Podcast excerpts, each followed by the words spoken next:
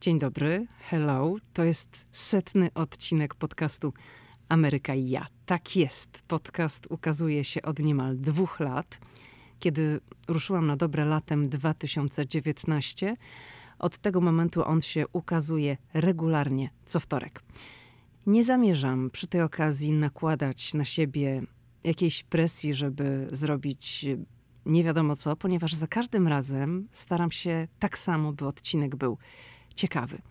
Po prostu mówię, że zasiadam przed mikrofonem setny raz, żeby nagrać podcast Ameryka i ja.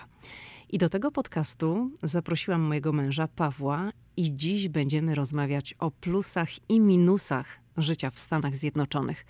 To będzie oczywiście bardzo subiektywny punkt widzenia, bo to, co dla mnie czy dla Pawła może być plusem lub minusem, dla kogoś innego może być zupełnie odwrotnie. Zanim zaczniemy, chcę jeszcze tylko szybko podziękować za nowe recenzje w Apple Podcast. Bardzo jestem za nie wdzięczna, za pięć gwiazdek i cieszę się niezmiernie. Jestem mile zaskoczona, nie ukrywam, gdy czytam, że ktoś właśnie dołączył i słucha wszystkiego od początku. Wielkie dzięki za wszystkie miłe słowa w recenzjach i w wiadomościach na Instagramie, które dostaję, bo przypominam, w podcaście słyszymy się co wtorek, a na Instagramie to ja nadaję albo coś pokazuję. Codziennie.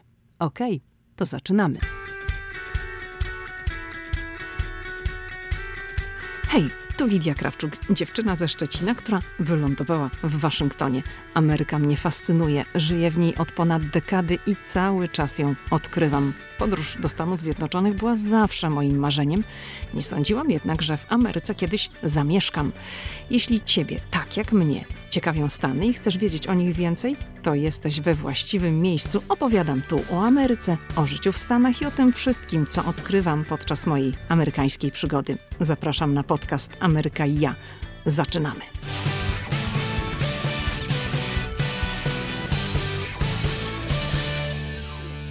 Paweł, witam cię bardzo serdecznie w moich podcastowych progach. No, ty z prezydentem sobie selfieczki robisz, może nie selfieczki, ale zdjęcia sobie robisz, jesteś potem na wszystkich portalach, a ja muszę odpowiadać na pytanie, a gdzie ty wtedy byłaś?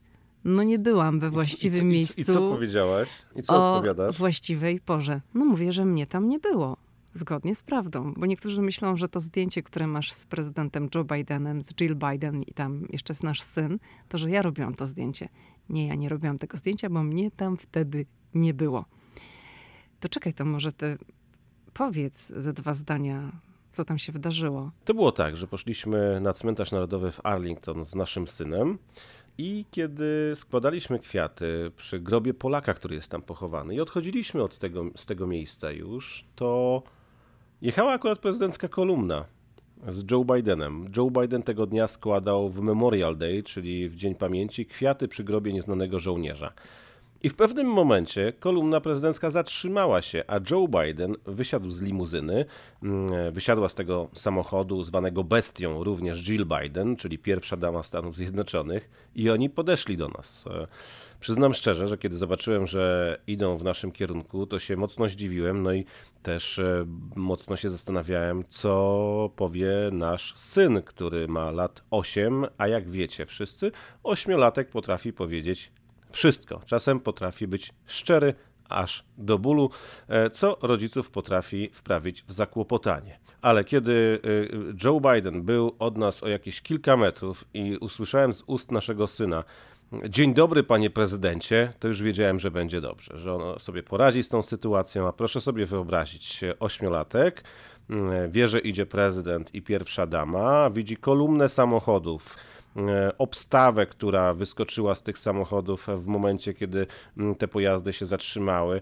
No i kilkudziesięciu dziennikarzy, bo. I agentów Secret Service, tak? Tak, bo też e, proszę pamiętać, że w kolumnie prezydenckiej zawsze podróżuje tak zwany travel pool, czyli ta grupa dziennikarzy, która w zasadzie nie odstępuje prezydenta na krok w czasie jego mm, takich publicznych podróży, wyjazdów, wystąpień. No i zobaczyliśmy, jak z tego busa dla dziennikarzy, długiego takiego, e, wysypuje się mnóstwo mm, fotoreporterów, kamer. E, nawet dla mnie, który no jest obeznany z tym wszystkim, była to sytuacja, no, w której się znalazłem, no, zaskakująca. Co dopiero dla ośmiolatka. I w taki oto sposób no, znaleźliśmy się w centrum wydarzeń, bo dookoła było mnóstwo ludzi, chociaż na niektórych zdjęciach tego tak nie widać. Ludzie stali po prostu z drugiej strony, bo kiedy mm, prezydencka kolumna opuszczała e, cmentarz, no to wzdłuż tej drogi przejazdu zatrzymali, stanęli ludzie, którzy no, chcieli zobaczyć. E, ta kolumna pojazdów jest bardzo ciekawa. No i tam ludzi było bardzo dużo. Niecodzienna sytuacja, która nas zaskoczyła, no ale mamy miłe wspomnienia i zdjęcie z parą prezydencką. Tutaj od razu A ty Paweł... wtedy montowałaś podcast. No właśnie, no nie chciałam mówić, żeby tutaj nie wzbudzać takiego poczucia winy. Może u słuchających, że o, przez nas nie poszła i nie zobaczyła, nie ma zdjęcia z prezydentem. Ale Paweł, ja bym chciała, żebyś tak przy okazji też powiedział o tym, że to nie była żadna ustawka, ponieważ to zdjęcie twoje z Wiktorem, z naszym synem, ono było wszędzie w Polsce w internecie i niektórzy mówili, że to była ustawka. Nie, nie, to w ogóle jakiś... Ja jak pierwszy raz zobaczyłem, że ktoś napisał w internecie, że to prawdopodobnie była ustawka, to mało tutaj w studiu e, nie spadłem z krzesła, bo ustawka to jest coś takiego, że na przykład, nie wiem, zadzwonił do mnie Joe Biden albo ktoś od niego z biura no, prasowego. Jego człowiek, tak e, i powiedział tak, słuchaj, bądź tam przy tym i przy tym grobie, a tam zatrzyma się Joe Biden. Albo, że ja kontaktuję się z e, Joe Bidenem i mówię, e, czytam z ludźmi od Joe Bidena i mówię, słuchajcie, musimy ocieplić wizerunek w Polsce Joe Bidena, bo niektórzy powiązali to z jego deklaracją sprzed kilku dni, gdzie on powiedział, że nie będzie sankcji na Nord Stream 2. I to było po prostu niesamowite, że ktoś w swojej głowie mógł powiązać, że w związku z tym, że Biden podjął niekorzystną decyzję dla Polski, to postanowili przez e, polskiego dziennikarza ocieplić wizerunek na cmentarzu. Więc to już w ogóle prawą ręką przez lewe ucho e, jakaś kombinacja, która miała mieć miejsce w głowach niektórych ludzi. Także chcieliśmy jednoznacznie powiedzieć, to są bzdury, jakieś wymysły, że to była ustawka, że to ktokolwiek ustalił z Pawłem. Po prostu znalazł się we właściwym miejscu o właściwej godzinie. I tak to się wydarzyło. I dzisiaj będziemy sobie rozmawiać, rozmawiamy sobie o plusach i minusach życia w Stanach. No to powiedziałabym, że plus, no plus, prawda? No miałeś okazję zobaczyć prezydenta z bliska, znaczy uścisnąć mu dłoń i porozmawiać, bo wy jeszcze kilka chwil rozmawialiście wspólnie. Tak, to prawda. E, I to jest też, skoro mówimy o plusach e, życia w Stanach Zjednoczonych, że taka, takie wydarzenia spontaniczne w tym kraju się zdarzają. My, e, pracując tutaj prawie 12 lat, takich spontanicznych wydarzeń mieliśmy wiele i prezydenci, i politycy amerykańscy potrafią w taki sposób się zachować.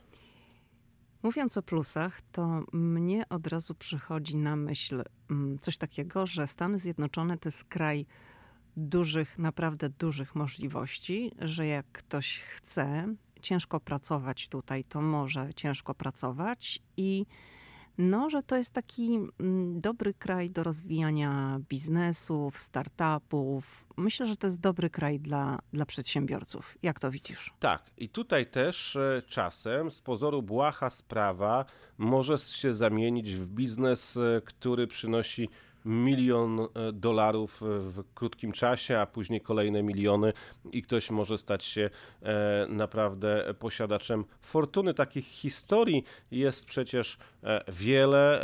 Komuś nie przyszło do głowy, że na przykład zakładając mało, mały punkt z ciastkami może się okazać, że to będzie hit w całej okolicy. Nawet możemy podać przykład gdzieś jakichś polskich sklepów, które nagle zyskują popularność nie tyle wśród Polonii, mm, co wśród Amerykanów, no bo e, okazuje się, że gdzieś tam ta polska kiełbasa mm, przypadnie komuś do gustu. Mówię tu o takim podstawowym jakimś biznesie, ale takich historii, że od pucy buta do milionera w Stanach Zjednoczonych jest po prostu ogrom. I często też z tych małych biznesów tworzą się biznesy ogromne, tak? No przecież marki globalne, Google, Apple, Amazon. No właśnie, wszystko... czy facet, który zakładał Amazona lata temu, e, myślał, że będzie po prostu człowiekiem, który będzie miał interesy na całym świecie? On jest a, najbogatszym człowiekiem na a świecie. A wkrótce tak? poleci sobie Bezos. jeszcze w kosmos? Tak, Bezos się wybiera w kosmos w lipcu. Także tutaj powiedziałabym, chciałabym zamknąć taką klamrę do tego punktu, że to jest rzeczywiście kraj bardzo dużych możliwości i niektórzy tak bardzo często to podkreślają i, i można z perspektywy gdzieś tam innego kraju, gdzie się żyje i jeśli się nigdy w Ameryce nie było, myśleć, że to jest taki frazes, że jak się w Ameryce ciężko pracuje, to można dużo osiągnąć. Ja myślę, że jest w tym bardzo dużo prawdy, że można, ale też należy powiedzieć, że to nie jest tak, że wszyscy mają takie same szanse. No ale to jest jak wszędzie. Dobrze, to powiedzieliśmy o plusie. To może teraz jakiś minus dla równowagi. I dla mnie to, co mi przychodzi natychmiast do głowy, to jest system opieki zdrowotnej. Też chciałem to szybko powiedzieć. Nie, to jest szaleństwo. Ten system opieki zdrowotnej jest po pierwsze niezrozumiały, e, jest tak pokręcony, że można się, może się okazać, że ktoś ma ubezpieczenie zdrowotne, a pójdzie do lekarza i zostawi tam mnóstwo pieniędzy i może powiedzieć, no on, ale ja przecież e, mam ubezpieczenie zdrowotne. Ale ten cały system współpłacenia, e, płacenia od pewnego poziomu, to naprawdę jest coś, nad czym trzeba poświęcić dużo czasu, żeby to zrozumieć i wykupując ubezpieczenie, wszędzie trzeba przeczytać warunki ubezpieczenia, ale myślę, że porównując to do tych warunków ubezpieczeń polskich, e, do tego ubezpieczenia w Stanach Zjednoczonych, do tych wszystkich kruczków prawnych, to jest zupełnie inna historia. Co więcej, muszę wam powiedzieć, że zdarzyło się tak, że miałem jakąś tam szpitalną przygodę, że rachunki przychodziły po jakimś czasie, nie tylko ze szpitala, ale na przykład od firm, które współpracują ze szpitalem i przychodziły z innych stanów i nie przychodziły na przykład od razu i okazywało się, że ja w pierwszym tygodniu, dwóch czy trzech tygodniach, czy czterech, no nie, nie znałem ostatecznej kwoty, bo nagle się okazało, że, okazywało, że jakieś laboratorium ze Maryland, które wykonuje usługi na rzecz szpitala w Virginii, przysyła rachunek, bo proszę pana, pan tam miał usługę medyczną przez naszą firmę. Oni wcale się z tym nie śpieszą. To może być proces wielu tygodni, kiedy człowiek pozna ostateczną kwotę leczenia i w jakim stopniu koszty tego leczenia pokryje firma ubezpieczeniowa. Ja nagrałam jeden z podcastów na temat systemu funkcjonowania opieki zdrowotnej. To jest jeden z pierwszych podcastów. W tej chwili nie pamiętam, który odcinek, ale to jest jeden z pierwszych, a dzisiaj mamy setny. Ale chciałabym zwrócić przy tej okazji na jedną rzecz, ponieważ kiedy poruszam temat kwestii ubezpieczeń zdrowotnych i systemu opieki zdrowotnej w Stanach Zjednoczonych, to bardzo często odzywają się Polacy, którzy mieszkają w Stanach Zjednoczonych i mówią: O, a ja mam takie dobre ubezpieczenie i mi tam ubezpieczenie pokrywa wszystko. No super, że ty masz takie dobre ubezpieczenie, ale to nie w tym rzecz. Jasne, że wiele firm w Stanach Zjednoczonych oferuje swoim pracownikom przyzwoite i niezłe ubezpieczenia, ale najczęściej jest tak, że pracownik do kosztów leczenia w jakimś stopniu musi dopłacać. To jest uzależnione oczywiście od polisy i od tego, jakie to jest ubezpieczenie. Ale nie w tym rzecz, że ty masz dobre ubezpieczenie. Chodzi o ten cały system, że państwo nie gwarantuje takiego systemu, który dawałby poczucie bezpieczeństwa, takie medyczne poczucie bezpieczeństwa, że jak ty pójdziesz do szpitala i coś się wydarzy, to ty będziesz się zastanawiać, w jakim stopniu moja firma ubezpieczeniowa, jeżeli masz ubezpieczenie, w jakim stopniu moja firma ubezpieczeniowa pokryje koszty leczenia, ile ja będę współpłacić, ile mnie to będzie kosztować, a czy przypadkiem nie zostanie przy tej operacji, załóżmy, jeżeli to będzie operacja, mm, jakimś cudem nie pojawi się lekarz, który jest spoza siatki medycznej, która jest dostępna w tym szpitalu. No i mnożą się te pytania i tak dalej. Więc to nie o to chodzi, że ty masz dobre ubezpieczenie zdrowotne. Chodzi o to, że ten system jest taki, a nie inny i nie ma równych szans. Wiadomo, to mówiłam, że nie wszyscy jesteśmy równi, nie wszyscy mamy dostęp do takich samych rzeczy. I jeżeli ty masz szczęście i pracujesz w takiej firmie, to okej, okay. ale nie każdy takie szczęście ma. I uważam, że ten system jednak tutaj nie funkcjonuje dobrze. Absolutnie nie. Też ciekawą rzecz powiedziałaś o tym lekarzu spoza siatki, gdzie tak naprawdę leżąc na jakimś stole operacyjnym podczas zabiegu, nie mówię tu o jakiejś wielkiej operacji, może się okazać, że nie ma tego lekarza, który e, no, dla tej firmy współpracuje, ściągają innego i ty nie masz nawet możliwości powiedzieć, nie wiem, ja go chcę, czy ja go nie chcę. Czy też na przykład w czasie operacji dzieje się coś, e, co wymaga przewiezienia do innej placówki i się okaże, że akurat twoje ubezpieczenie już przewozu, transportu, mm, nie wiem, takim środkiem, mówię tutaj na przykład o śmigłowcu, nie obejmuje i ty się budzisz, nie wiem, jest wszystko w porządku na szczęście, ale okazuje się, że masz zapłacić ileś tam tysięcy dolarów za transport śmigłowcem. Ja znam sytuację z Nowego Jorku, e, to dotyczy polskiej rodziny, kiedy dziecko przewożono z jednego szpitala do drugiego szpitala na badanie i transport karetką e, po Manhattanie to były podnoś jakieś 2000 dolarów. Mówimy o transporcie karetką ze szpitala mm, na Manhattanie do szpitala na Manhattanie. No, to jest doskonały przykład właśnie takich absurdalnych sytuacji, gdzie no mimo, że masz ubezpieczenie, to mogą cię te rachunki zaskoczyć i ktoś powie, a moja firma to by pokryła i tak dalej. No tak, twoja, ale niekoniecznie kogoś innego. Czy mogę powiedzieć o innym minusie? Mhm. Strasznym minusem dla mnie jest system parkowania w Stanach Zjednoczonych. To nie chodzi o to, że jakoś inaczej się tutaj parkuje, bo mm, tylko chodzi o ceny za parkowanie. E, jeżeli ktoś przyjedzie z Polski, i na przykład będzie chciał zaparkować na Manhattanie w jakimś tam parkingu, czy znajdzie sobie hotel, gdzie jest napisane, e, że jest parking, bo wynajmie samochód po przylocie i będzie napisane dodatkowa tam opłata za parking, to trzeba zapytać się ile, bo się okaże, co jest normą na Manhattanie, że doba za parking to jest 60 dolarów. Wiesz co, Paweł, ale wydaje mi się, że jak ktoś przyjeżdża z Polski na Manhattan, to jednak nie wynajmuje samochodu, bo na Manhattanie jest mu niepotrzebny. Oj, oj, oj, może zacząć od Manhattanu i jechać do Waszyngtonu i ma samochód, a wynajmie na lotnisku. Mówię o w ogóle takiej historii. W Chicago, jeżeli ktoś sobie będzie chciał zaparkować, to 30 dolarów, nawet 35.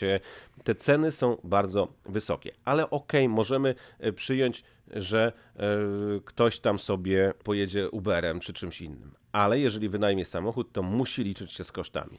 E, jeżeli parkuje w garażu jakimś tam. Natomiast znalezienie miejsca w Stanach Zjednoczonych przy ulicy to jest oczywiście duże szczęście. Natomiast drugą rzeczą to są te wszystkie tabliczki, które się wzajemnie wykluczają. To nie jest jasny system, choćby tutaj w Waszyngtonie, że nie można parkować e, od godziny 5 do 15, bo później jest tak, że od 5 do 15 nie można parkować od poniedziałku do czwartku, ale od czwartku do piątku można parkować od 15 do 18.30, ale jak zaparkujesz krzywo, to cię scholują, bo akurat tego dnia krzywo nie można. Nie, trochę to przerysowuję, ale mhm. chodzi o to, że trzeba czytać te wszystkie tabliczki bardzo uważnie. W Polsce czy w Europie tak nie ma. Tutaj te tabliczki często są tabliczkami, które kompletnie się według mnie wykluczają. Co więcej, oni przyjmują, że w ciągu ulicy ona obowiązuje i nam się zdarzyło, że stanęliśmy za skrzyżowaniem, bo rozumiałem, że mm, za skrzyżowaniem już mogę zaparkować. Co więcej, działał parkomat, więc wrzuciłem monety do parkomatu, a zapłaciłem mandat, bo akurat dwie przecznice wcześniej jest znak, że akurat tego dnia nie wolno tutaj zaparkować. Tak, to jest rzeczywiście problem i muszę powiedzieć, że już może teraz nie, ale na początku często było tak, że jechaliśmy samochodem do centrum Waszyngtonu i jak trzeba było zaparkować, to oboje stawaliśmy przy tych tabliczkach i się upewnialiśmy, czy dobrze rozumiemy. To znaczy, ja pytałam Pawła, a Paweł pytał mnie, jak ty to rozumiesz, czy my możemy tutaj zaparkować, czy nie. No bo no nieraz wyłapaliśmy na początku mandat za parkowanie właśnie z powodu tych nieszczęsnych tabliczek. Oj tak, no nawet też nam się zdarzyło kiedyś, że nas odholowali. Mandat to mandat, ale odholowanie. I tutaj też jest taki system, normalnie w miastach, e, przynajmniej tych polskich, których ja wiem, to cię odholowują na parking policyjny czy jakiś tam miejski. Jedziesz sobie i się okazuje, że. Okay. Nam e, zdarzyła się taka sytuacja, że zaparkowaliśmy, bo godziny się wykluczały i dni się wykluczały. Pal licho, scholowali nas. No ale dzwonimy i ktoś mówi, tak, tak, dzisiaj yy, akurat samochody odholowane z ulicy 14 parkujemy na ulicy 18 i teraz idziesz sobie ulicą 18 i masz sobie ten samochód znaleźć. Tak, to nie jest tak, że oni mówią tobie, że twój samochód, mówię tutaj o sytuacji w Waszyngtonie, że twój samochód jest na przykład na parkingu policyjnym czy miejskim przy ulicy, nie wiem, drugiej i tam sobie ten samochód możesz odebrać od godziny takiej i takiej po uiszczeniu opłaty za skolowanie. Nie, kazano nam szukać samochodu na jednej z ulic i my szliśmy i szukaliśmy samochodu, bo akurat tam było miejsce i tam ten samochód został odholowany.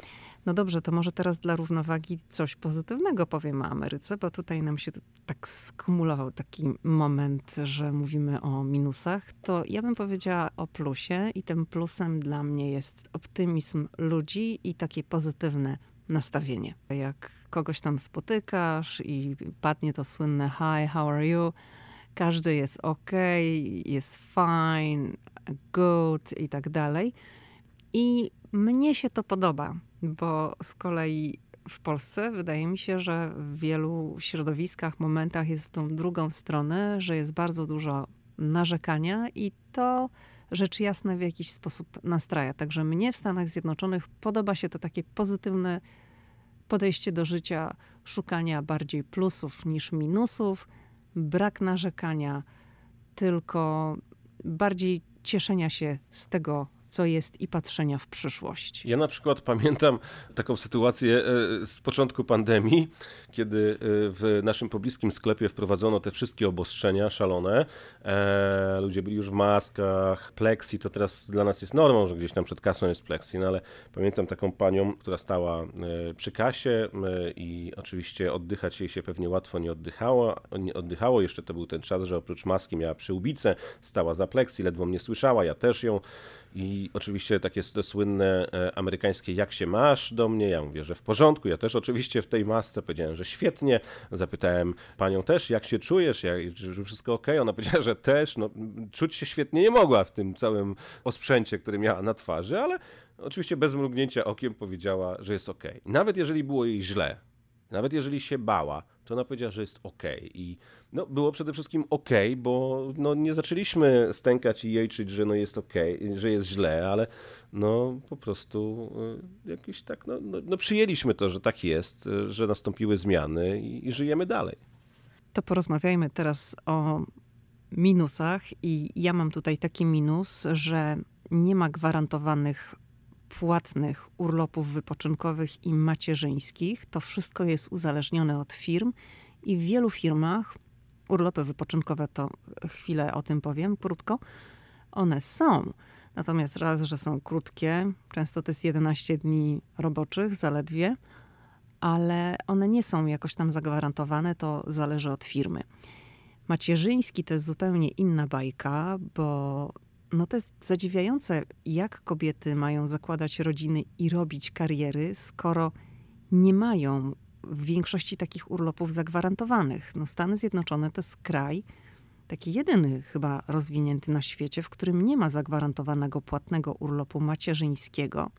Jeśli kobieta ma taki urlop, to tylko dlatego, że pracuje w firmie, którą to obchodzi, a nie dlatego, że to jest taki wymóg prawa pracodawca jest zobowiązany do udzielenia świeżo upieczonej mamie bezpłatnego urlopu macierzyńskiego, bezpłatnego, do 12 tygodni, jeśli mama taki urlop chce wziąć. I jeszcze przed nagraniem tego odcinka zajrzałam trochę, sprawdziłam, czy coś się nie zmieniło, no bo wiadomo, że, że coś się mogło zmienić.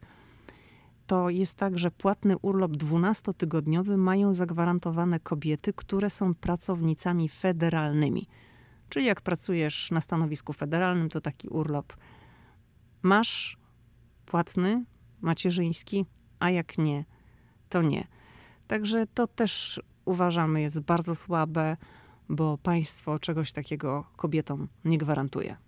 Znamy taką historię, bardzo ciekawą, właśnie związaną z porodem. Nie będę tutaj się wdawał e, w szczegóły, bo nie chciałbym, aby ktoś tam w jakiś sposób mógł zidentyfikować znajomą naszą, dobrą znajomą. Ona mm, pracuje w takim miejscu, gdzie się wykonuje badania, e, więc to nie jest tak, że na przykład e, wstajesz, wychodzisz i mówisz do widzenia. No trzeba po prostu pracę dokończyć, no bo inaczej cały ten proces zostanie przerwany. I ona była już w tym momencie, kiedy w zasadzie zaczynała rodzić, no i powiedziała do swojego szefa, no zaczyna się.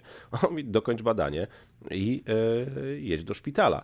Więc no, mm, w tym polskim systemie to raczej byłoby chyba nie do pomyślenia, żeby coś takiego mogło się wydarzyć. Kobieta już w tym takim końcowym momencie zazwyczaj jest na jakimś zwolnieniu, już się przygotowuje, jest zupełnie inaczej. A tutaj często kobiety do ostatniej chwili po prostu pracują.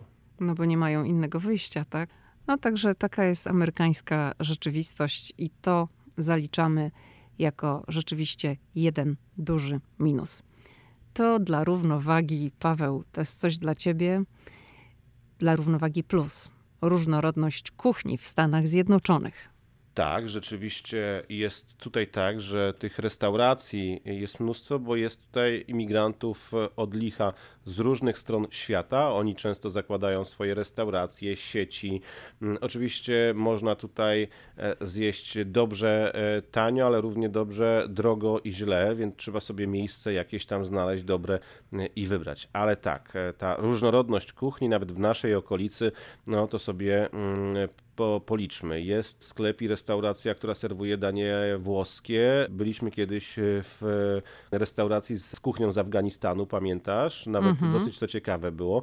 Tutaj zaraz przy skrzyżowaniu e, Liban, tak? tak. Mhm. E, no to mamy. Włoska, to już mówiłem. Koreańska mm, jest. Meksykańska. Jest sushi, japońska. Tak jak moglibyśmy wymieniać, tak? W zasadzie na każdej ulicy jest inna i to, to jest wszystko w zasadzie dystans taki na nogach. To nie jest tak, że trzeba jechać na drugi koniec miasta, żeby do takiej restauracji się wybrać. W zasadzie w najbliższej okolicy jest do wyboru kilka restauracji z kuchnią z różnych stron świata. No i to się wiąże też w dużym stopniu ze stylem życia Amerykanów, którzy bardzo lubią chodzić do restauracji. To się wpisuje w kulturę tego kraju. I tak jak Paweł powiedział, jedne są lepsze, jedne są gorsze, ale rzeczywiście można tutaj spróbować wszystkich kuchni świata i to jest bardzo, bardzo fajne. Ale też jest mnóstwo food trucków. Na przykład tutaj w Waszyngtonie to mm, nie wiem, czy jest jakieś inne miejsce na świecie, gdzie tych food trucków jest tak wiele jak w Stanach Zjednoczonych. Nie znam takich danych, ciężko mi powiedzieć, więc to co mówię może się troszeczkę rozjeżdżać z rzeczywistością, ale w tych e, państwach, w tych miastach, w których ja byłem, nigdy nie widziałem tylu food trucków, e, co można zobaczyć w Stanach Zjednoczonych. Tutaj odniosę się do Waszyngtonu. To jest e, kilka ulic w godzinach takich no, związanych z lunchem, plus oczywiście weekend, gdzie jest food truck przy food trucku. One stoją zderzak w zderzak. Oni zajmują te miejsca mm, wcześnie rano e, i jak tak się idzie, to jest tak właśnie bałkańska, meksykańska, no, no po prostu najróżniej tak smaki, zapachy, zapachy mieszają się, to jest coś... I jeszcze jedna rzecz, każdy ten um, food truck przyciąga swoją muzyczką, która leci z głośników. tak, jest taka jest kakafonia. Mhm. To jest jakieś szaleństwo. Jest w ogóle głośno, bo każdy ten pojazd ma agregat. No ale ludzie kupują, jedzą, siadają gdzieś tam na trawie. No to jest niesamowite. Tych food trucków tutaj są prawdopodobnie setki. I to jest trochę taki paradoks z Waszyngtonu, teraz jak powiedziałeś o tych food truckach, bo bardzo dużo food trucków jest zlokalizowanych w okolicy National Mall, czyli takiego dużego terenu zielonego, który rozciąga się od Lincoln Memorial, czyli takiego monumentu upamiętniającego prezydenta Lincolna po Capitol. I to jest teren parkowy, tak, który znajduje się pod jurysdykcją National Park Service, czyli instytucji, która zarządza parkami narodowymi w Stanach Zjednoczonych. I tak naprawdę na tym odcinku, gdzie jest bardzo dużo turystów, gdzie wiele osób z chęcią, myślę, usiadłoby sobie w jakiejś kafejce, w jakiejś restauracji, tam nie ma restauracji. Tam są same food trucki. I to jest zaskakujące. Zresztą mm, wiele osób gdzieś tam, jak pokazywałam na Instagramie te food trucki albo coś tam o nich wspominałam, to mówi, no właśnie, to mnie zaskoczyło w Waszyngtonie, że w samym centrum po prostu stoją te food trucki. Tutaj z jednej strony mamy wszystko takie wypielęgnowane, eleganckie, monumentalne, bo Waszyngton trochę taki jest, a z drugiej strony są te food trucki, te samochody pomalowane na wszystkie kolory świata. Ale no to i, ma swój urok. No ma, ale to jest taki dysonans dla mnie też Tak, troszeczkę. ale popatrz, teraz gdyby w tej dzielnicy takiej e, turystyczno-rządowej, powiedziałbym, nie było food trucków, to gdzie ci wszyscy turyści mówią o normalnych czasach e, sprzed pandemii, ale teraz to już się zaczyna znowu dziać. Wczoraj wieczorem biegałem w Waszyngtonie i wieczorem te food trucki jeszcze mm, stały. Gdzie ci ludzie kupiliby, nie wiem, jakiś kebab, nie wiem, jakiś ryż z kurczakiem i gdzie w przelocie zjedli? No dobrze, nie że ma. one są właśnie, mówię dobrze, bo Tak. tutaj ten, ten teren, tak jak Tak. powiedziałam, podlega pod National Park Service i myślę, że bardzo wielu restauratorów z przyjemnością otworzyłoby tam swoje biznesy, tylko to się nie zanosi, że te biznesy tu powstaną, Tak, i- ich tutaj nigdy nie było i chyba nie będzie. Ale ludzie kupują sobie tam jakiś. Ludzie kupują sobie jakiś tam zestawik, siadają na tej trawce na National Mall, spędzają tam godzinę, dwie. Zobaczcie, jak. E, Jak, jaki to, jak, jak zupełnie inaczej e, jest, kiedy spaceruje się po pustym National Mall, a kiedy jest trochę ludzi, kiedy właśnie ludzie siedzą, rozmawiają, jest jakiś tam gwarno, zupełnie inny klimat. Ten klimat się e, Zgadza robi w się. momencie, kiedy te futraki przyjeżdżają, później wyjeżdżają, jest znowu spokój, cisza, jak ktoś chce przyjść w innych godzinach, proszę bardzo. Mnie brakuje turystów na National Mall. Ja lubię, jak są turyści na National Mall. No ja też tak powiedziałam, że mnie brakuje.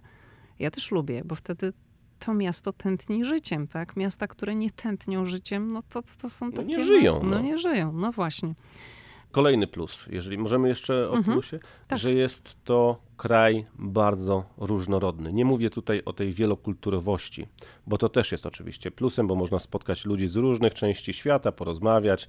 Oczywiście są też e, no, wtedy takie różnice, no bo ta kultura e, z różnych stron świata no, miesza się tutaj i czasem można się zdziwić, że nie wiem, my postępujemy w taki sposób. No, no podam prosty przykład. Mi się kil, kilka razy zdarzyło, że jakaś pani była zdziwiona, że ja drzwi otwieram i przepuszczam panią w drzwiach, no bo tutaj no, ludzie są z różnych stron świata, a w różnych stronach świata różnie się do tego podchodzi. Umówmy się, Amerykanie tego nie robią. No właśnie, więc y, było wiele razy tak, że ja albo przepuszczałem i otwierałem drzwi, czy otwierałem właśnie i pani wchodziła i to było takie, ona była taka zaskoczona, bo raczej spodziewała się, że skoro ja podszedłem pierwszy do drzwi i sobie y, otworzyłem te drzwi, to właduje się tam przodem mm, i e, ona będzie musiała tam pójść za mną.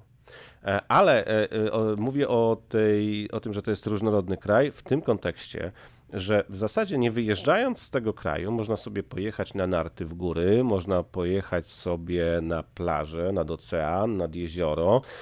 Jest takie zróżnicowanie. Można zobaczyć klimat pustynny, górzysty, mm, plaża. Oczywiście są tu olbrzymie odległości, ale też to wszystko jest dobrze skomunikowane. Są możliwości podróżowania od pociągu przez autobusy e, po samoloty. Jeżeli komuś nie pasuje zapłacić, nie wiem, tam 150 dolarów czy 200 lot z Waszyngtonu do Nowego Jorku, to może pojechać pociągiem. Ta cena może być podobna, może być trochę niższa, to zależy jak się znajdzie promocja, ale można pojechać też autobusem, a autobus można znaleźć już za tam, nie wiem, 20 dolarów, 25 dolarów i autobusem klimatyzowanym z toaletą, z dostępem do internetu można w komfortowych warunkach dojechać sobie z Waszyngtonu na Manhattan. Więc to jest kraj, gdzie mm, podróżować jest łatwo, bo oczywiście autostrady. Można tu przyjechać, można zjechać e, wschodnie wybrzeże, zachodnie, można oczywiście pojechać po całości i ze wschodu przyjechać na zachód e, i zobaczyć e, no, różny klimat i różne miejsca, odcienie tego kraju mm, i w zasadzie w każdym miejscu jest inaczej. To mi się bardzo podoba. Często słychać takie zarzuty, że Amerykanie mało wiedzą o świecie, no ale tak ja zawsze ich tłumaczę. No, dużo nie podróżują. że nie za dużo nie podróżują. Poza Stany Zjednoczone. Tak, no ale z drugiej strony bardzo zapraszam wszystkich naszych amerykańskich przyjaciół, żeby zobaczyli polskie góry, bo są piękne, no ale oni tych gór mają w tym swoim kraju też tyle, że najpierw pewnie chcą odwiedzić swoje, tak? Y, Ale to też nie jest tak, że Amerykanie o świecie nic nie wiedzą. Też y, często bronię Amerykanów, bo to nie jest tak do końca jak ta taka oklepana e, historia, e, taki stereotyp em, Amerykanów. To też tak nie jest, ale też trzeba to zrozumieć. Oni nie muszą e, jechać na, nie wiem, na przepiękną, na lazurowe wybrzeże na przykład, tak, bo mogą sobie polecieć na Hawaje. Bo mają swoje lazury. Tak, i, i tu po prostu e, tak to wygląda, że e, tu trzeba naprawdę parę lat przeżyć, e, żeby objechać całe Stany Zjednoczone. To jest no, kraj wielkości kontynentu, tak? To jest ogromny obszar, tu jest co zobaczyć. W jednym roku ktoś pojedzie zobaczyć park Yellowstone i nie wiem, okolice, no, w drugim roku pojedzie na Florydę, zostają jeszcze Hawaje, zostaje Zatoka Meksykańska, zostaje Colorado, Wielki Kanion. Tych atrakcji w tym kraju jest tak dużo, że naprawdę kawałek życia zajmie to, by zobaczyć to, co ten kraj ma do zaoferowania. Tutaj poruszyłeś taką kwestię, która jest moim zdaniem i plusem, i minusem, czyli wielkość tego kraju. Z jednej strony to jest ten plus, bo jeżeli rozpatrujemy to w kategoriach podróżowania i tej różnorodności, o której wspomniałeś, no to to jest coś cudownego. Bo i miasta, które są zaskakujące, i natura, parki narodowe. Ja nie wiem, czy na świecie są takie parki narodowe jak w Stanach Zjednoczonych, to znaczy pewnie żaden kraj nie ma. No może Australia ma też takie parki narodowe. No, Kanada ma też miejsca piękne. Mhm, ale to, to jest garstka takich krajów, i te kraje, o których ja powiedziałam, które wymieniliśmy tutaj wspólnie, no to są też również wielkie kraje. Czyli wielkie kraje gwarantują tę różnorodność, możliwość podróżowania i doświadczania tego wszystkiego na jednym kontynencie, na obszarze swojego własnego kraju. Ale z drugiej strony to jest minus, bo odległości wszędzie są bardzo duże. Wiąże to się również z iloma strefami czasowymi, co no nie jest wielkim plusem, tak? bo ty mieszkasz w tym samym kraju, wstajesz, zaczynasz dzień, a gdzieś tam na zachodnim wybrzeżu to jeszcze ludzie są trzy godziny do tyłu i oni śpią. Ale teraz umów się z przyjaciółką na rozmowę. Mieszkając na wschodnim, na zachodnim, musicie w czasie tej rozmowy ustalić, w której strefie się poruszacie, bo może być tak, że ty zadzwonisz o dziewiątej swojego e, czasu, a u niej będzie e, szósta. Ja pamiętam taką sytuację związaną ze strefą czasową, bardzo ciekawą. Bohaterką jednego z Twoich podcastów była Bożena Jarnot, konsul honorowa na mm, Hawajach. Podcast numer 50. Tak. I ja pamiętam taką e, historię, że było trzęsienie ziemi na, gdzieś tam w pobliżu Hawajów i było wydane ostrzeżenie o tsunami. No więc ja niewiele myśląc postanowiłem zadzwonić do pani konsul honorowej na Hawajach, żeby mm, zapytać się, co tam się dzieje, bo była ewakuacja w Honolulu, mm, no, nie ludzie mieli odejść od brzegu jak najdalej. I ja pamiętam, chwyciłem za telefon, wykręciłem numer do bohaterki twojego podcastu, zresztą bardzo ciekawego, ale nie spojrzałem na zegarek. Mm, I na przykład teraz jest godzina 12.43, kiedy nagrywamy ten podcast, a w Honolulu jest 6.44. I ja zadzwoniłem. 12.43 po południu, tak. czyli przed pierwszą po A tam jest 6.43. I ja obudziłem panią konsul honorową na Hawajach i tego dnia e, postanowiłem, że będę miał E, zegary na ścianie, e, dopóki się nie nauczę tych wszystkich stref czasowych, bo to było zaraz na początku, jak tu przyjechaliśmy i pamiętasz, w studiu były duży, cztery zegary. Tak, długi okres mieliśmy cztery zegary w studiu. I było tak, Warszawa, Waszyngton, Nowy Jork, mm, Los Angeles, tak, i właśnie Honolulu. A czemu to, już tych zegarów nie mamy? No bo ja już y, jestem w stanie szybko przeliczyć. Ale jako gadżetu dlaczego ich nie mamy? No, Popsuły no, się? Nie, ja wiem, co się z nimi stało kiedy urodził się nasz syn, to bardzo go fascynowały zegary i każdy jeden został A, przez niego tak? przejęty. Tak? Tak. I to się stało z zegarami. Aha, okay, Ale dobrze. też e, nauczyliśmy się przeliczać, znaczy już wiemy, jak z tymi strefami czasowymi jest. E, I znaczy już... ja nie przeliczam, ja mam w iPhone'ie zapisane No ja mam to w głowie, ja już ten zegarek widzę, już to tak jest poukładane, że jestem w stanie ci powiedzieć w każdej chwili, która jest w Polsce, która jest gdzieś tam w Londynie, już jakoś do no, tego No to w Polsce też wiem, ale mam wiele lokalizacji zapisanych. Tak, ale ten, ta mhm. historia z, z tymi zmianami, e, różnicą czasu, strefami czasowymi jest absolutnie minusem, e, bo można się zakręcić troszeczkę. Dobrze, to ja teraz minus powiem, bardzo duży moim zdaniem. System prawny. Co stan, to jest inaczej i można zwariować. Naprawdę, czasami ciężko jest tym wszystkim się połapać. Ja tu miałam rozmowy w podcaście z i prawniczką, i agentką nieruchomości, z psycholożką, i one wszystkie mówiły, że uprawiają swój zawód na zasadzie licencji i ta licencja obowiązuje na danym obszarze. Czyli na przykład agentka nieruchomości, która opowiadała o, o tym rynku i w DC, czyli w Waszyngtonie, i w stanie Maryland, i Virginii, czyli tych, tej metropolii waszyngtońskiej, to na każdy stan musi mieć licencję, ale gdyby zapragnęła uprawiać ten zawód gdzieś tam na Florydzie, to musiałaby robić nowe uprawnienia. I to jest rzeczywiście problem. Nawet y, kwestie przepisów drogowych, zdawania prawo jazdy.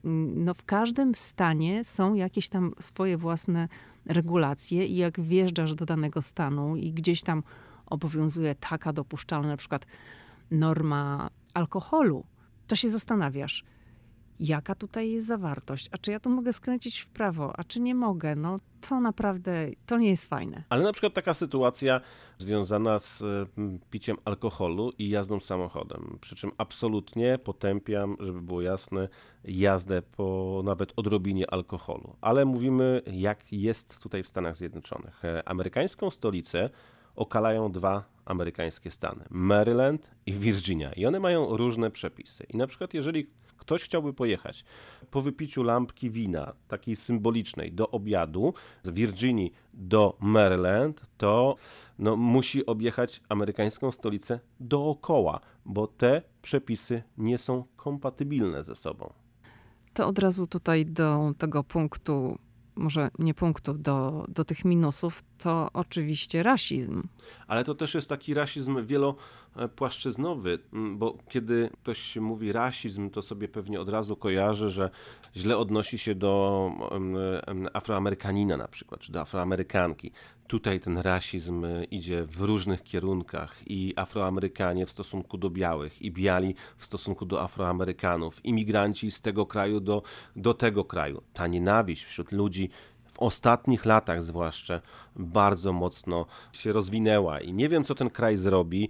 E, Uwidoczniła ale, się też, powiedziałbym. Nie? Ale, ale coś muszą zrobić, bo to naprawdę będzie kiedyś tutaj olbrzymim problemem, jeszcze większym niż w tej chwili. Tak? A przy kolejnym minusie, który wspomnę, dla mnie minusem, dla innych pewnie plusem, kwestii posiadania broni, to o tragedię w tym kraju nie trudno. I dla mnie dużym minusem jest to, co się tutaj dzieje właśnie z bronią, te wielkie strzelaniny. Ja miałem okazję być na miejscu kilku strzelanin, mm, gdzie doszło do tragedii i to relacjonowaliśmy. Zresztą ty również byłaś, e, choćby mm, w Colorado i widzieliśmy opłakujących bliskich ludzi.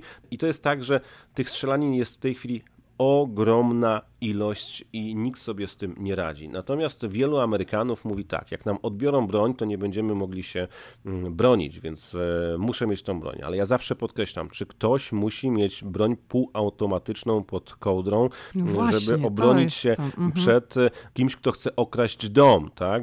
A proszę zobaczyć, te wszystkie masowe strzelaniny mają jeden wspólny mianownik. To jest broń zazwyczaj półautomatyczna, gdzie e, za jednym pociągnięciem spustu ktoś, no już tak powiem wprost, kosi ileś osób za jednym pociągnięciem. Gdyby ta osoba nie miała tej broni, to być może napadłaby na kogoś z nożem i zrobiła krzywdę jednej osobie czy dwóch. Ale popatrzmy na strzelaninę w Las Vegas, kiedy gość z hotelu miał, w hotelu miał zgromadzony cały arsenał, gromadził go przez jakiś czas i strzelał do uczestników koncertu, który był mm, w pobliżu. Przecież tam było mnóstwo ofiar. On nie miałby możliwości zrobienia mm, czegoś takiego, dokonania czegoś takiego, gdyby mm, miał utrudniony dostęp do broni. A tu po każdej strzelaninie mówi się, nie, nie, to ludzie strzelają mnie broń, trzeba uporządkować kwestie ludzi. Ale jesteśmy tutaj 12 lat i od 12 lat po każdej strzelaninie mówi się, trzeba lepiej kontrolować ludzi, którzy chcą mieć broń. I co z tego? I to jest też takie zadziwiające, powiedziałabym, bo tak jak Paweł powiedział, jesteśmy tutaj 12 lat i widzieliśmy już te obrazki prezydenta Obamy, który jeździł na miejsca strzelanin, no Sandy Hook, wielka tragedia, gdzie w szkole ponad 20 dzieci, tak? Paweł, ponad 20 zostało wtedy, dobrze mówię, zastrzelonych w Sandy Hook? Już sprawdzam. Mhm. Nie mam, bo tych, tych liczb było tak długo, tak dużo, Moim zdaniem, że ja już po prostu nie, nie, nie pamiętam dzieci mm, tego wszystkiego, bo mi się te strzelaniny... Sandy Hook to był 2012 rok. 14 ja grudnia 2012 mhm. roku zginęło 20 8 osób, tak? To tam były dzieci w szkole. Tam małe dzieci. Kilkoro nauczycieli, ale tak, bo moim zdaniem tam ponad 20 dzieci. I pamiętamy te obrazki z udziałem właśnie prezydenta Obamy, który tam pojechał i płakał. Pamiętamy obrazki wielu publicznych osób, które apelowały i te dyskusje polityczne dotyczące broni i nic się nie zmienia. I uwaga. I nie zanosi się, że się zmieni. I uwaga, sprawca strzelał przez 5 minut. Gdyby nie miał dostępu do takiej broni, to takiej tra- tragedii by nie było. Sprawca strzelał przez 5 minut od godziny 9.35 do godziny 9.40. W masakrze zginęło 28 osób, 20 dzieci, dyrektorka, szkolna psycholog i cztery nauczycielki, matka sprawcy i sam sprawca masakry. Mm, Tutaj otworzyłem sobie dane, żeby dokładnie powiedzieć. 27 osób z 28 zginęło w szkole. Jedyną ofiarą, która została zastrzelona poza nią była matka sprawcy. Dobrze, to teraz może, żebyśmy trochę odbili od tych minusów. Ale nie, powiedzmy o jeszcze jednym minusie, O. żebyśmy nie gloryfikowali tak. Chicago, wojny gangów. Ten kraj ma naprawdę olbrzymi problem z wojnami gangów. Tworzą się gangi jak z filmów takich amerykańskich typowych. To nie jest fikcja. Chicago ma w tej chwili takie miejsca, gdzie lepiej po prostu nie wchodzić. E, Zresztą w Waszyngtonie też jest taka dzielnica. To samo jest w Baltimore. Są miejsca, gdzie lepiej się po prostu nie zapuszczać.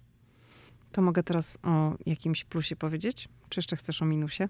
Dobrze, to jeszcze o jednym minusie powiem. Te wszystkie sprawy związane z rasizmem, o którym mówiliśmy, uwzięło. wywołują olbrzymie emocje w społeczeństwie. Proszę zobaczyć, e, co się dzieje, kiedy na przykład dochodzi do kolejnej tragedii i to też jest ol- olbrzymi minus. e, Już jest takie napięcie w społeczeństwie, że no mieliśmy przypadki, gdzie policjant e, zabił kogoś w czasie interwencji. Mówię tutaj o sprawie George'a Floyda. Ogromne podziały w tym kraju i te protesty, które wybuchają. To jest tak, że w ciągu dnia one bywały pokojowe, a wieczorem to ta kompletna demolka, d- n- plądrowanie sklepów, palenie samochodów, niszczenie mienia w, mie- w mieście.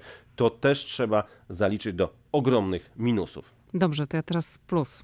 Chciałam powiedzieć, że wielkim plusem w Stanach Zjednoczonych są zakupy i sklepy. Tu jest wszystko.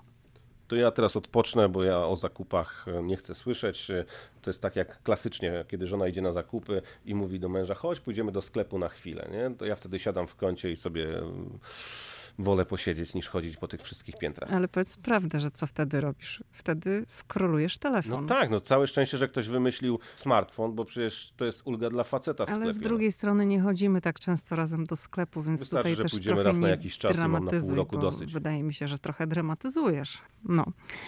Ale nie To chcę, ja się, poskroluję, a ty opowiedz o sklepach. nie chcę się tutaj rozwodzić, też nie wiadomo jak na temat sklepów. Chciałam po prostu tylko zaznaczyć, że uważam, że Stany Zjednoczone są krajem, rajem, jeżeli chodzi o zakupy, bo tutaj jest wszystko. Jeżeli nawet nie ma fizycznie, to jest w internecie. Tutaj przecież no, jest mnóstwo marek, marek, które często w Polsce ceny za produkty tych marek są o wiele, wiele wyższe i one uchodzą w Polsce za dość bardzo super, dobre marki. Nie chcę powiedzieć, że luksusowe, bo luksusowe marki to są tam Chanel, Prada i tak dalej. Ale takie marki jak, nie wiem, Calvin Klein czy Tommy Hilfiger, to one są tutaj, to są marki popularne i są szeroko dostępne. Ale, ale nie chcę koniecznie tutaj skupiać się tylko i wyłącznie na markach. Chcę powiedzieć, że po prostu zakupy, jak ktoś lubi i lubi promocje, no to Stany Zjednoczone są dla niego wymarzonym krajem i należy przyjechać z pustą walizką i iść na zakupy. I wiele osób tak robi, nawet tych, które nas odwiedzały, to albo brały już takie ubrania, które później tutaj zostawały, w sensie ktoś wyrzucał, a e, jechał z walizką nowych rzeczy do Polski. Wiesz co, już mamy prawie godzinkę. To jeszcze tylko tak na koniec chciałam powiedzieć o jednej rzeczy, która, no nie mogę jej zaliczyć do plusów, to jest minus oczywiście. To są koszty kształcenia, szkolnictwo wyższe, które jest tutaj po prostu bardzo drogie, bardzo kosztowne. No, były podcasty z osobami, które studiowały w Stanach Zjednoczonych i zdradzały, jakie to są koszty. Często rok na dobrej uczelni kosztuje kilkadziesiąt tysięcy dolarów. I z tego powodu też ten dostęp do edukacji nie jest równy. Nie każdy jest skłonny zaryzykować, żeby wziąć tak ogromny kredyt studencki. I to uważam zalicza się do dużego minusa w tym kraju. Ktoś fajnie powiedział i jeden z moich gości, to chyba powiedziała Ola Startek. Tak mi się wydaje, że to Ola Startek powiedziała, która studiowała w Stanach psychologię i teraz uprawia ten zawód. Ola powiedziała, że nauka w Stanach, studiowanie to jest taki przywilej i nikt nie może sobie tutaj pozwolić na słabe oceny i na to, żeby tam, o, to studiowanie to balanga, studiowanie to ciężka praca właśnie dlatego, że to tak dużo kosztuje. Ja jeszcze na koniec chciałbym powiedzieć tak, taką ważną rzecz, bo ja tutaj mówiłem dużo o minusach. Dlatego, że często, kiedy się rozmawia o tych plusach, to ktoś mówi, a wam się wydaje, że w tych Stanach to jest tak wszystko. Więc czasem wolę mówić o minusach niż o plusach, ale no, chciałbym to troszeczkę wyprostować. Stany Zjednoczone to jest piękny kraj. Jak każdy kraj ma olbrzymie problemy, swoje problemy, z którymi się boryka. Jedne, które być może można byłoby rozwiązać, ale, ale nie ma woli politycznej, inne, które no, są do rozwiązania bardzo trudne. Ale chciałbym zakończyć, bo, bo, rozumiem, wielu Twoich słuchaczy interesuje się Stanami Zjednoczonymi i do tego kraju no, chcieliby kiedyś przyjechać. To chciałbym powiedzieć o takim bardzo dużym plusie dla mnie i dla turysty, e, jak ktoś przyjeżdża. To jest to, że te wszystkie atrakcje w Stanach Zjednoczonych są po prostu zrobione z rozmachem, są zrobione dla ludzi, są zrobione po to, żeby ktoś miał po prostu fan. Jeżeli jest park narodowy, to jest cała infrastruktura. Jeżeli jedzie się gdzieś zwiedzać park narodowy, to są co jakiś czas parkingi, że można się zatrzymać, są toalety, są to po prostu formy przemyślane. I też tutaj mówię o pomnikach, tak? bo mm, nie chcę tutaj mówić konkretnie, ale mamy w Polsce kilka nieprzemyślanych pomników, z którymi tak naprawdę jest tylko problem i z ochroną, i mm, z tym, jak tam wpuszczać ludzi, że ta forma często to się robi w taki sposób, że jakiś tam głaz polny wielki, tablica i to jest wszystko. Tutaj, jak robi się takie miejsce pamięci na przykład, e, to jest całe centrum, to jest e, robione multimedialnie, to jest przemyślana forma, ale to jest przemyślana forma od A do Z, od miejsca, które wygląda pięknie, po to, że kiedy przyjedzie tam turysta, to żeby miał gdzie się zatrzymać, gdzie coś zjeść, to jest zrobione w takim odległości, bo ktoś by mógł sobie pomyśleć, no ale jak jakieś tam miejsce pamięci i ma być jakiś tam, e, jakaś restauracja. No, ludzie przyjeżdżają zobaczyć jakieś miejsce, mm, no i rzeczą naturalną jest to, że jesteśmy głodni, że chcemy pójść do toalety. To można zrobić w takiej odległości, że że to będzie wszystko fajnie współgrało, wcale nie będzie zakłócało charakteru tego miejsca. Proszę sobie zobaczyć, ile trwało przygotowanie e, miejsc pamięci po 11 września, choćby w Shanksville w Pensylwanii. Byliśmy tam wiele razy, ale jak to zrobili, to zrobili to z rozmachem, że tam są parkingi, jest droga dojazdowa, że jest centrum informacji turystycznej. Ktoś by mógł powiedzieć, no ale jak z takich miejsc na przykład, nie wiem, koszulka z napisem, no właśnie choćby 9-11, no ale to wszystko mm, są rzeczy mm, samofinansujące się, czy jakieś, to też musi na siebie zarobić, ale ta forma jest po prostu piękna. Proszę spojrzeć na pomniki w Waszyngtonie, pomnik II wojny światowej, Lincoln Memorial, Jefferson Memorial. To wszystko ma naprawdę przemyślaną formę. Nie wiem jak ty na to patrzysz, ale ja uważam, że tego od Amerykanów moglibyśmy się nauczyć. Ogłaszania konkursu i zrobienia takiego miejsca w sposób taki, żeby to było użytkowe i godne. Owszem, mnie się też to bardzo podoba. Co do Shanksville, to tam w grę wchodził jeszcze jeden czynnik, czynnik związany z własnością terenu. To się dlatego też tak długo odbywało, dlatego że były tam nieuregulowane kwestie gruntu, bo ten samolot spadł na teren, który trzeba było wykupić. Ale dobrze, ale y, przez, od początku ludzie stawali w takim jednym miejscu i mogli, mogło to się skończyć na tym, że byłoby to w tym, tym tymczasowym miejscu, który było terenem jakiejś pamięci. Ale nie, oni walczyli o to, żeby ten teren wykupić i zrobić to w odpowiedni sposób. Trwało to dłużej, ale mhm. zrobili. Zgadza się. Tak, tak jak powiedziałam na początku, ta nasza lista plusów i minusów jest listą subiektywną i gdybyśmy tutaj usiedli w jakimś większym gronie osób, które przeżyły w Stanach Zjednoczonych już jakiś czas, które też są w innych środowiskach, bo należy pamiętać, że każdy mówi ze swojej własnej perspektywy, z pozycji swojego miasta i też tego, czym się w życiu zajmuje. Także ta lista mogłaby wyglądać nie mówię, że bardzo inaczej, ale mogłaby zawierać inne elementy. Taka jest nasza na dzisiaj. Paweł, dziękuję Ci bardzo za udział w moim podcaście. Dziękuję bardzo i e, chciałbym złożyć najserdeczniejsze życzenia z okazji e, setnego odcinka podcastu Ameryka i Ja. i ja, tak.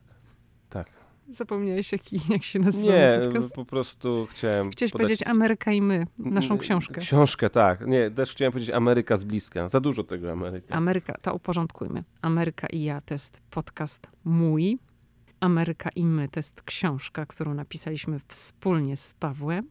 A Ameryka z bliska to jest podcast, który przygotowuje Paweł i którego też możecie słuchać. To tyle w dzisiejszym odcinku. Do usłyszenia. Dziękuję bardzo, pozdrawiam serdecznie.